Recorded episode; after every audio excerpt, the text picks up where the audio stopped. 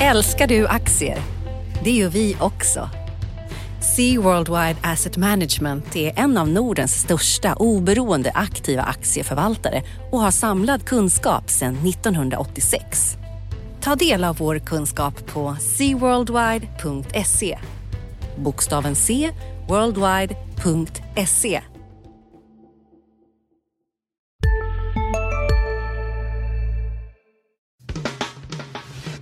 Analyspodden från Dagens Industri. Hej och välkommen till Dagens Industris analyspodd. Jag heter Johanna Jansson och med mig här denna klämfredag under Kristi himmelfärdshelgen så har jag Ulf Pettersson på telefon från företagsvänliga Småland. Ulf, hej. God morgon, god morgon. Ja. Hur är det med dig? Det är bra. Är det en myt att folk är, eh, att det är mer entreprenörer i Småland eller stämmer det? Det beror nog på vilken, vilken del av Småland man är på. Är man i, i Gnosjötrakten så, så är det ingen myt. Åtminstone har det inte varit någon myt. Utan där har varit mängder av företagare som har bockat plåt och allt möjligt. Men om man liksom rör sig ut mot öst, östkusten så är det mer stödområde. Men eh, här byggs det för fullt, precis som i Stockholm, så det kanske blir det är lite framtidsoptimism här ändå, kan man säga. Ja. Eh, mm. Ja, det händer grejer i Småland. Men i alla fall, idag ska vi inte prata kanske direkt om det. Vi ska prata lite om konjunkturen, lite kanske om oljepriset. Och sen är det en hel del bolagsnyheter som rör Stockholmsbörsen, eller hur? Ja, det tycker jag. Det har varit, eh, tycker jag, nu har vi passerat en rapportperiod och då brukar det liksom lugna ner sig lite. Men jag tycker det har varit en ganska intressant vecka här trots att den är liksom avkortad på olika sätt. Men eh, vi har ju haft eh, ja, Stefan Persson köper aktier, det har han sig gjort för i H&M. Men vi har ju vi har ju det här med Volvo personvagnar. Vi har den här väldigt intressanta nyheten som våra kollegor eh, Anders Hägerstrand och även Gustav Tapper har varit med också om att avslöja att, att Christer Gardell ska ha köpt in sig i Ericsson och det är superspännande. Och sen nästa vecka har vi en kapitalmarknadsdag på SCA som jag tror kommer bli välbesökt med tanke på den stora uppdelningen vi har där och, och lite sånt där. Så det finns, det finns att prata om tycker Ska vi börja med det? det är, de, både H&M och Ericsson är ju två, eh, vad ska man säga, basket cases, får man säga så om de två? Men alltså som då potentiellt sett skulle kunna stå inför en vändning här, eller vad, vad säger du? Ja, det kan man säga. Eh, det är ju faktiskt de aktierna. Vi är då, ja, vi, har, vi är väl vi är några tiondels procent från all time high. I USA har man all time high just i detta, detta nu då. På S&P. Ericsson, Ja. Ericsson och H&M så ligger de 40 procent under, under sina toppkurser. Eh, I alla fall, ja, H&M, Ericsson går man tillbaka till 2000 är det ännu mer för dem då. Mm. Och det är ju vändningscase. Eh, inga lätta sådana, men tydligen så ser då Christer Gardell en, en vändning av Ericsson eftersom nu har inte han bekräftat att han har gått in, men jag tycker det faktiskt eh, att, att det här, vi har haft några grejer. Dels det här mötet med Leif Johansson som han då ska ha varit med på plus de här eh, att UBS har dykt upp som storägare i Ericsson och och jag har sett bilder på Christer Gardell när han är på tennisklinik med UBS och han gjorde affärer med UBS tidigare och sådär. Så det finns säkert eh, det, det kan mycket väl vara sant att, att han redan är ägare, stor ägare i Ericsson. Och så ska han väl då flagga upp här och sätta press på, på Wallenbergarna och sådär. Mm. Ericsson-aktien är upp, är upp i år, men ner ändå, alltså pressad jämfört med forna glansdagar såklart. Men, men, Ja, det eh, är de. Och de har ju alltså, de har, det har varit en ganska jobbig marknad eh, för telekom och sen så har de framförallt haft jobbig konkurrens från, eh, från eh, framförallt Huawei då, kineserna. Så det, det finns ju en anledning, den är inte särskilt lågt värderad sett till P tal Ericsson och sådär, men skälet till att den har stigit nu det är ju ja, att Börje Ekholm kom in som VD och man började tänka att nu ska det hända saker här och så och så har ju hela börsen gått upp och så har de ryckts med lite. Och nu sista draget här, den steg faktiskt 4% här, om det var i måndags eller tisdags. Mm.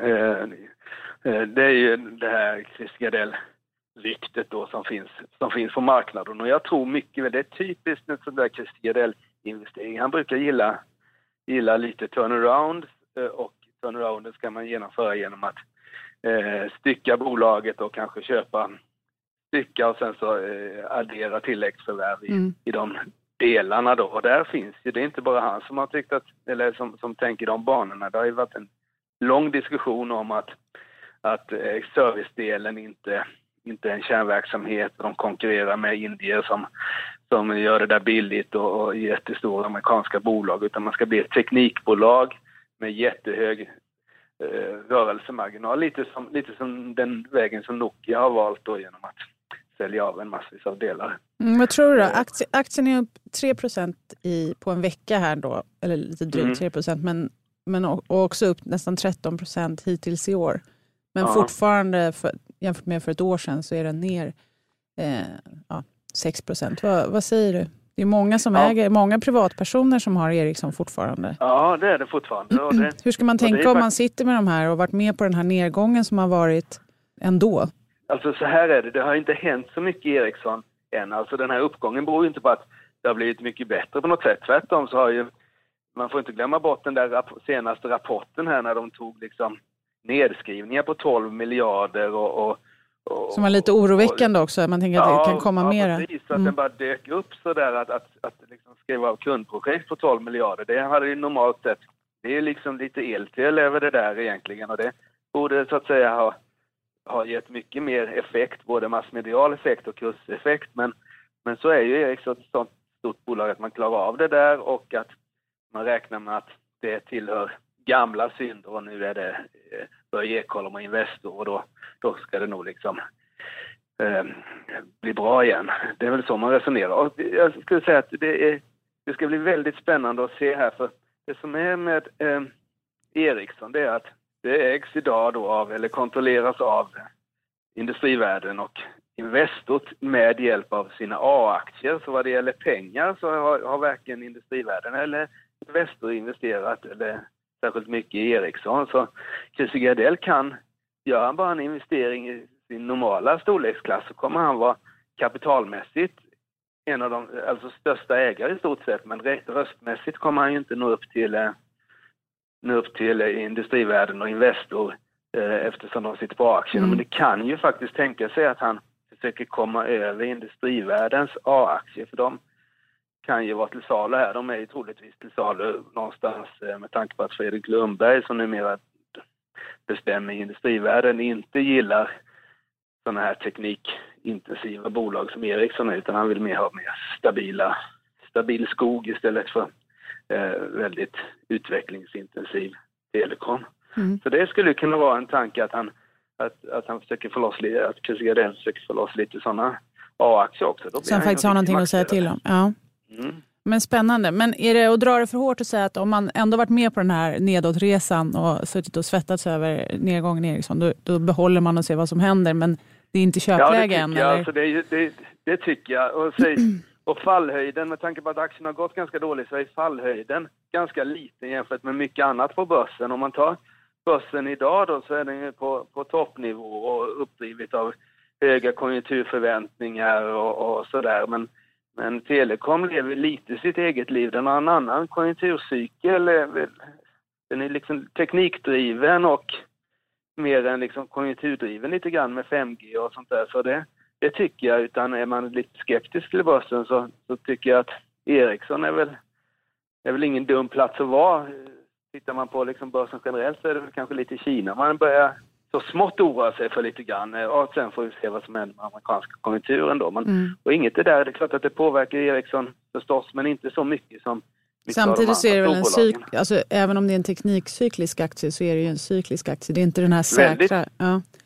Ja, cyklisk konjunktur, mm. det är alltså telekom, och det är ju mm. anledningen till att, att de har negativ tillväxt nu. Det beror ju mm. på att, för att de är inne i ett, ett skifte, ett, mm. ett, ett teknikskifte, som, så det svänger, ju, det svänger ju verkligen. Är det någon aktie som har svängt genom de sista 30 åren så är det Ericsson med, ja. till följd av teknik. Vi kanske kan prata lite om det också, för det är ju lite eh, alltså hur man ska tänka här om man är orolig för konjunkturen och vad, vad ska man ha för det, jag menar, det är nya rekord för konjunkturförtroendet. I veckan fick vi preliminära inköpschefsindex från en del länder och också den tyska IFO-barometern som var på liksom rekordnivåer.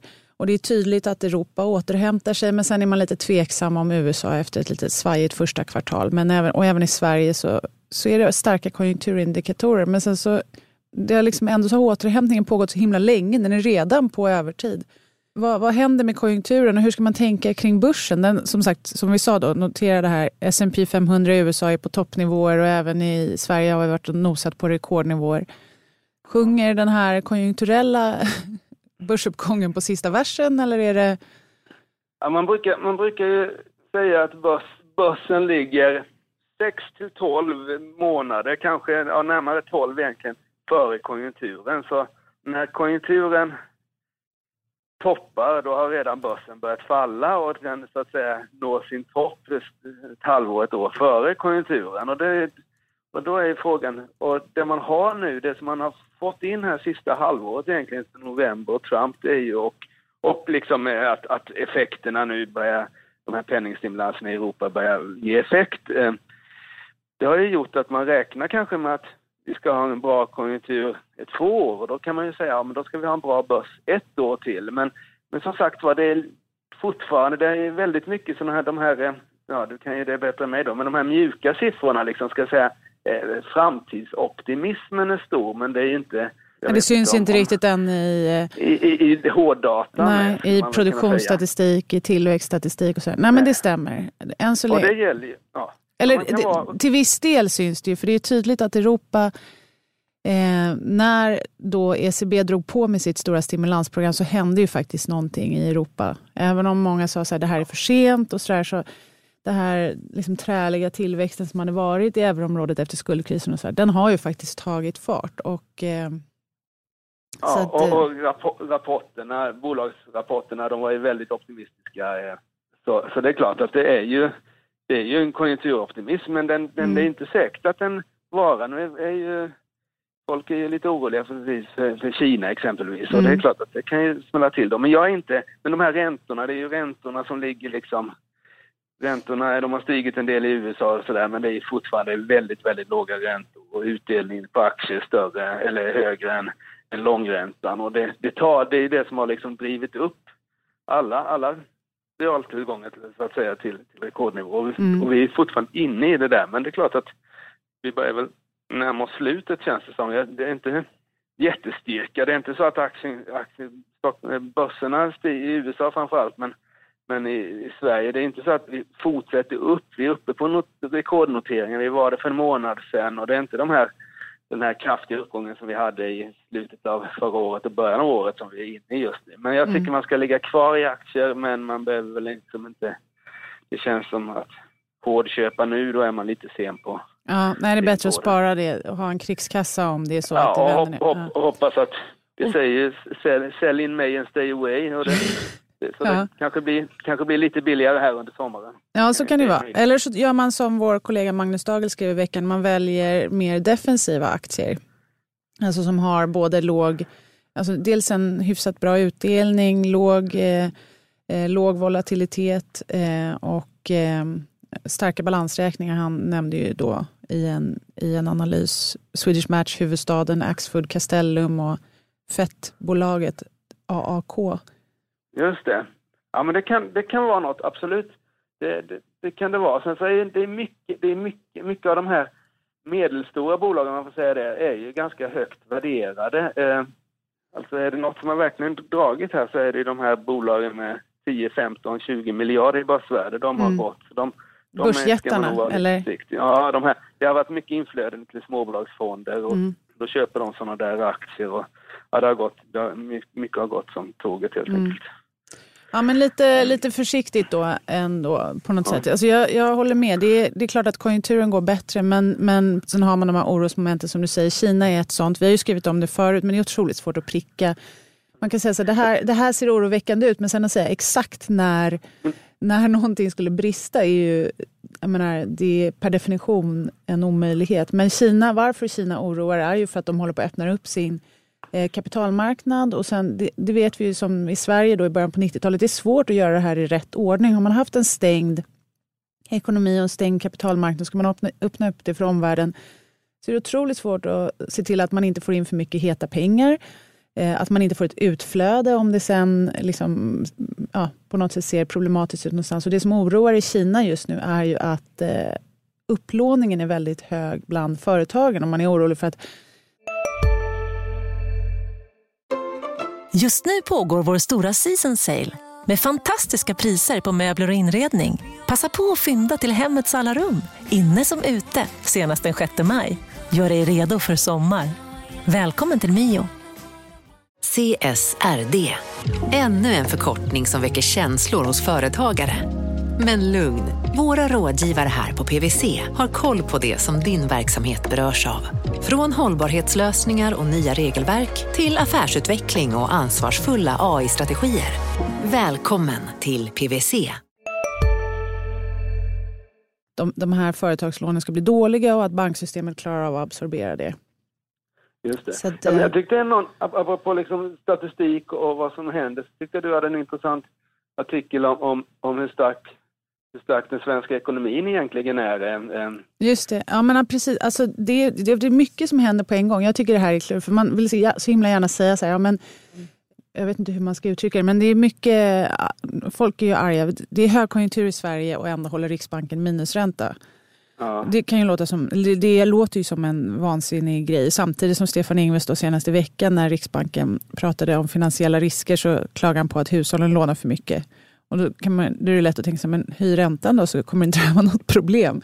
Men ibland så tror jag att det, eller jag tänker att det är så mycket som händer underliggande, med underliggande strukturer. Kina är ett sådant exempel. Först kom de in i världsekonomin och pressade priserna väldigt kraftigt för att de hade billig arbetskraft och kunde bygga och göra saker jättebilligt. Och sen så nu är de en mognare ekonomi och kommer, det är dyrare redan att anställa i Kina och så vidare. Så att det är sådana här långa cykler som inte går de här fina korta konjunkturcyklerna utan som påverkar på mycket längre sikt. Och sen en annan grej är att vi blir allt äldre. Liksom det är klart att alla 40-talister som har sparat till pensionen påverkar jättemycket. De här stora pensionsfonderna där liksom pengar liksom drar runt hela världen och som måste placera sitt kapital. Oavsett, jag menar, som, sitter man som pensionsfond idag så har man inte ett alternativ att säga så nej, vi tycker att eh, det är för dyrt. För de får ju inte placera i vad som helst. Så att, lite så känns det ibland på börsen nu tycker jag att man bara letar efter, man vill bara ha en ursäkt för att köpa aktier och man hittar på dem vartefter man går vidare. Förstår du vad jag menar när jag säger så? Ja, ja, ja, jag förstår, ja, jag förstår. Men jag tycker liksom fastighetsbolagen, om vi tar det, det har ju varit liksom en... Det har, det har ju varit... Det är ju som lite obligationer kan man säga med de stabila intäktsströmmar de ska Mm. ha. Har ju ändå, där har faktiskt dykt upp en viss, en viss osäkerhet eh, kring att okej, räntorna är låga men det ska ska ha hyresintäkt också. Hur ser det egentligen ut Mm. liksom i den kommersiella delen? Eh, eh, jag menar e-handeln påverkar H&M men det påverkar ju även de som äger, äger eh, själva fastigheterna där man har butikerna. Eh, och det där tycker jag, där finns en viss, en viss det börjar dyka upp en viss, en viss skepsis kring, kring en del sånt där. Så, och det tycker jag är ganska sunt, för jag menar det byggs ju och det är klart att det är inte orimligt att det är en, en bubbla lite, lite överallt även om efterfrågan just nu. Ja, alltså jag tycker det, det är klurigt det där med fastighetsmarknaden. För att eh, jag, nästa vecka då, om man ska blicka lite, lite framåt, eh, så kommer bland annat svensk BNP-statistik. Och det är tydligt att byggsektorn driver på tillväxten eh, väldigt kraftigt i Sverige just nu. Och förmodligen stod för en Mm. ganska stor del av... Eh, jag menar nu, vi sa att bolagsrapporterna var avklarade här för första kvartalet och då kommer ju rapporten också för AB Sverige. Eh, Mm. BNP första kvartalet. Och där gav nog bygginvesteringarna ett väldigt stort tillväxtbidrag. Och det där tycker jag är lite klurigt för att eh, du nämnde att det byggs en hel del i eh, nere där på östkusten i Småland till exempel. Ja, Och eh, man, vi har skrivit en del i DI här i veckan om att de här statliga investeringsbidragen har fått det att byggas på väldigt många ställen, dock inte i Stockholm. Men, eh, men för det man blir orolig för när det byggs väldigt mycket, det är, det är väldigt långa ledtider i byggandet. Ja. Att det faktiskt ska finnas efterfrågan på alla de ställen där det byggs.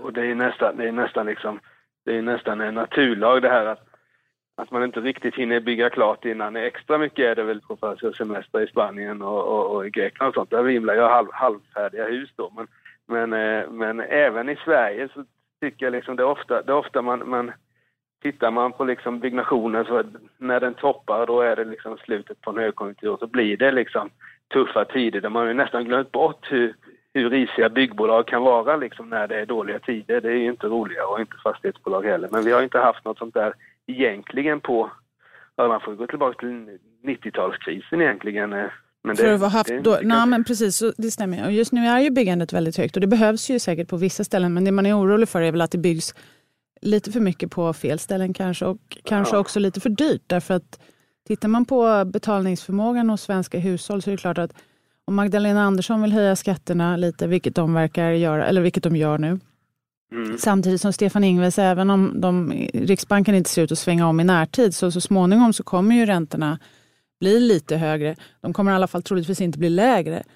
Och sen på det så kanske också, eller så lite mer inflation gör ju att reallöneutvecklingen kommer bli sämre då. Så det är liksom Mm. tre Ja, mer eller mindre skatte- svaga eller starka på motvindar på, precis, på, på, Men- för hushållen så kanske de inte är så Nå- sugna på att betala mer för sina bostäder. Något som jag har suttit och funderat här eh, i- Kalmar, eh, och det är lite ditt ämne, det här med de goda finanserna den svenska staten har. Det stämmer ju. Vi har ju liksom inga, vad är skuldsättningen? 30 procent eller något sånt där.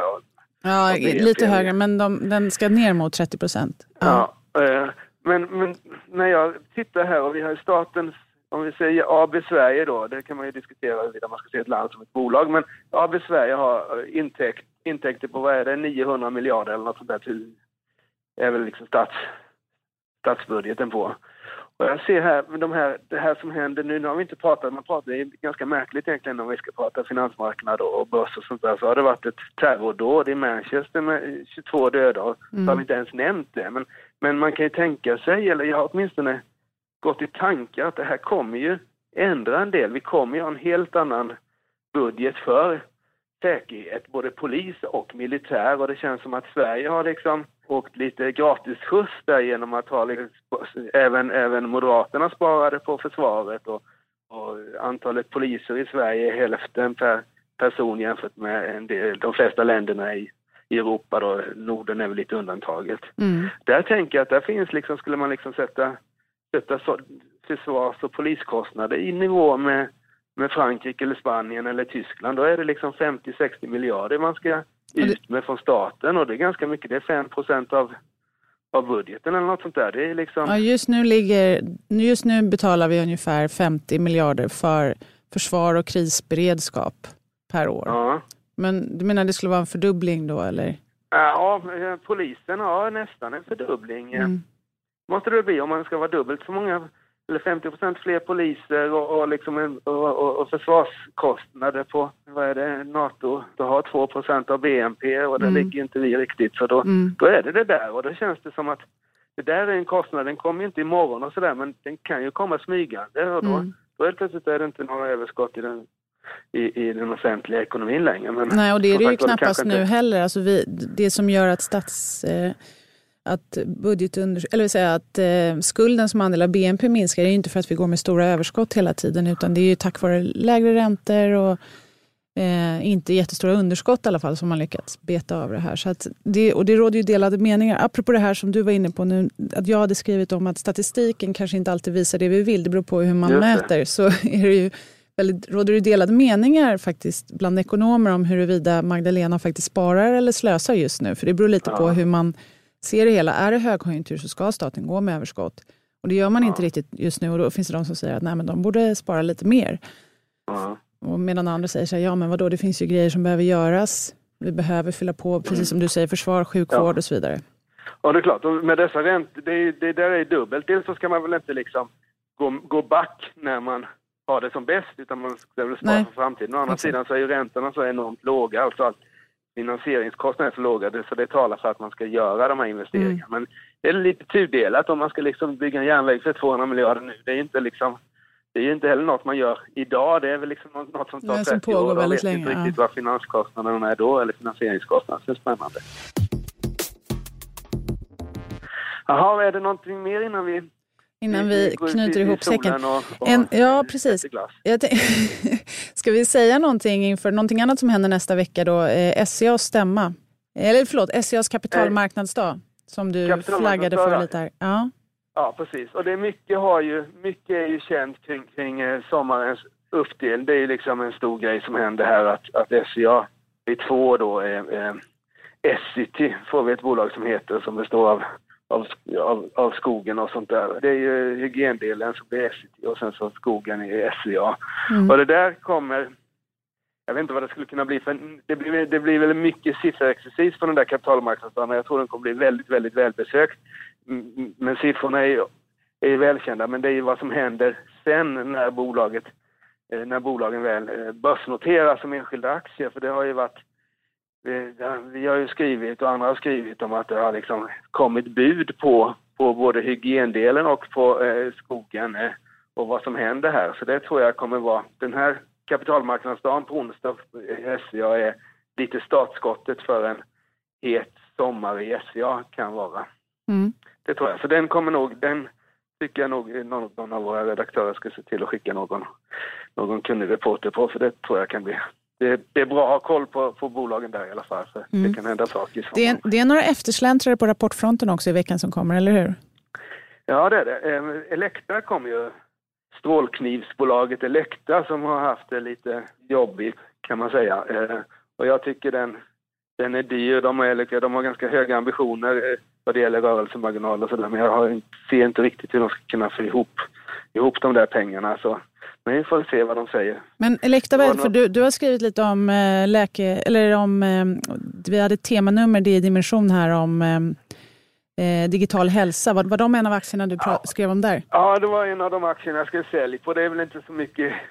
Men det är klart att det är väl inte dig, digitaliseringen mer liksom. De gör ju produkter men det finns ju även där liksom mycket mjukvara och sånt där och det där kommer ju bli jättestort för jag tror att landstingen, eller ja inte bara i Sverige utan i hela världen, så är sjukvårdskostnaderna är ju ett problem med tanke på den åldrande befolkningen och, och dyra läkemedel och, och, vi har ju faktiskt haft en, en ska vi säga en, ett kunskapshopp vad det gäller eh, läkemedelsforskningen var ju länge, länge dålig men nu med de här biologiska läkemedlen så har det liksom kommit fram många nya läkemedel som är bra och som är svindyra och som gör att sjukvårdskostnaderna i hela, hela, hela världen är under press.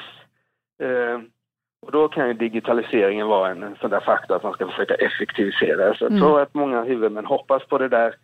Eh, och, och även jag, för det var slutsatsen i min makrokrönika i samma nummer att den här digitaliseringen kan vara en lindrande medicin för de här hårt pressade offentliga finanserna när ja, befolkningen åldras. Men det, det, känns, jag vet inte, men sen så det är ju människor inte lätt att göra med, men det känns som att, att det, det skulle kunna gå betydligt mer effektivt. Själv så vet jag inte varför, men jag är aldrig på sjukhuset. Jag sköter väl min hälsa så bra så. Men, men när man hör från kompisar så där som sitter många timmar på en akutmottagning så undrar det är liksom, då är det ett systemfel på något sätt. Mm. Liksom att det borde kunna, sjukvården borde vara världens mest lätt, lätthanterade verksamhet för det antalet benbrott mm. det är väl konstant så att säga och antalet hjärtinfarkter är konstant. Alltså mycket, när det är så stora populationer och så, så blir det inte, det är inte så att någonting, det är inte som T Ericsson som tappar 20 försäljning utan man borde kunna göra det här jätteeffektivt. Några som kan göra det effektivt jättebra. verkar det som. Det är ju ett nytillskott på Stockholmsbörsen i veckan.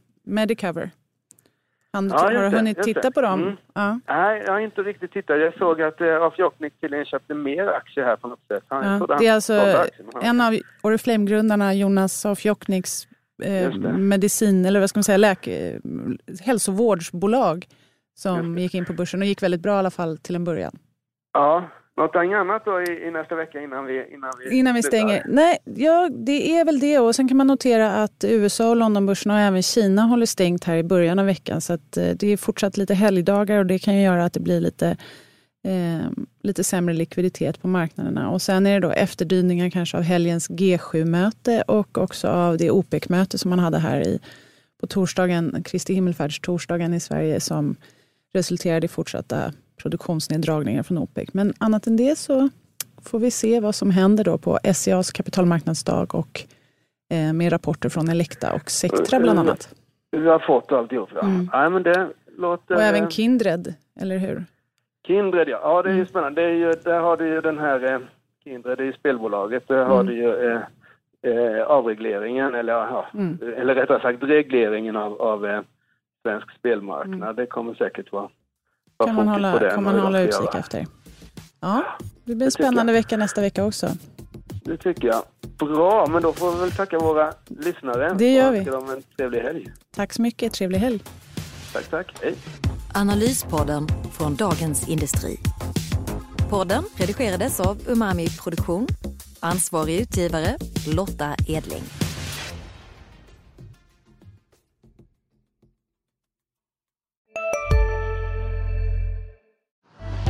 Älskar du aktier?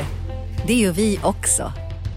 Sea Worldwide Asset Management är en av Nordens största oberoende aktiva aktieförvaltare och har samlad kunskap sedan 1986. Ta del av vår kunskap på seaworldwide.se. Bokstaven C, worldwide.se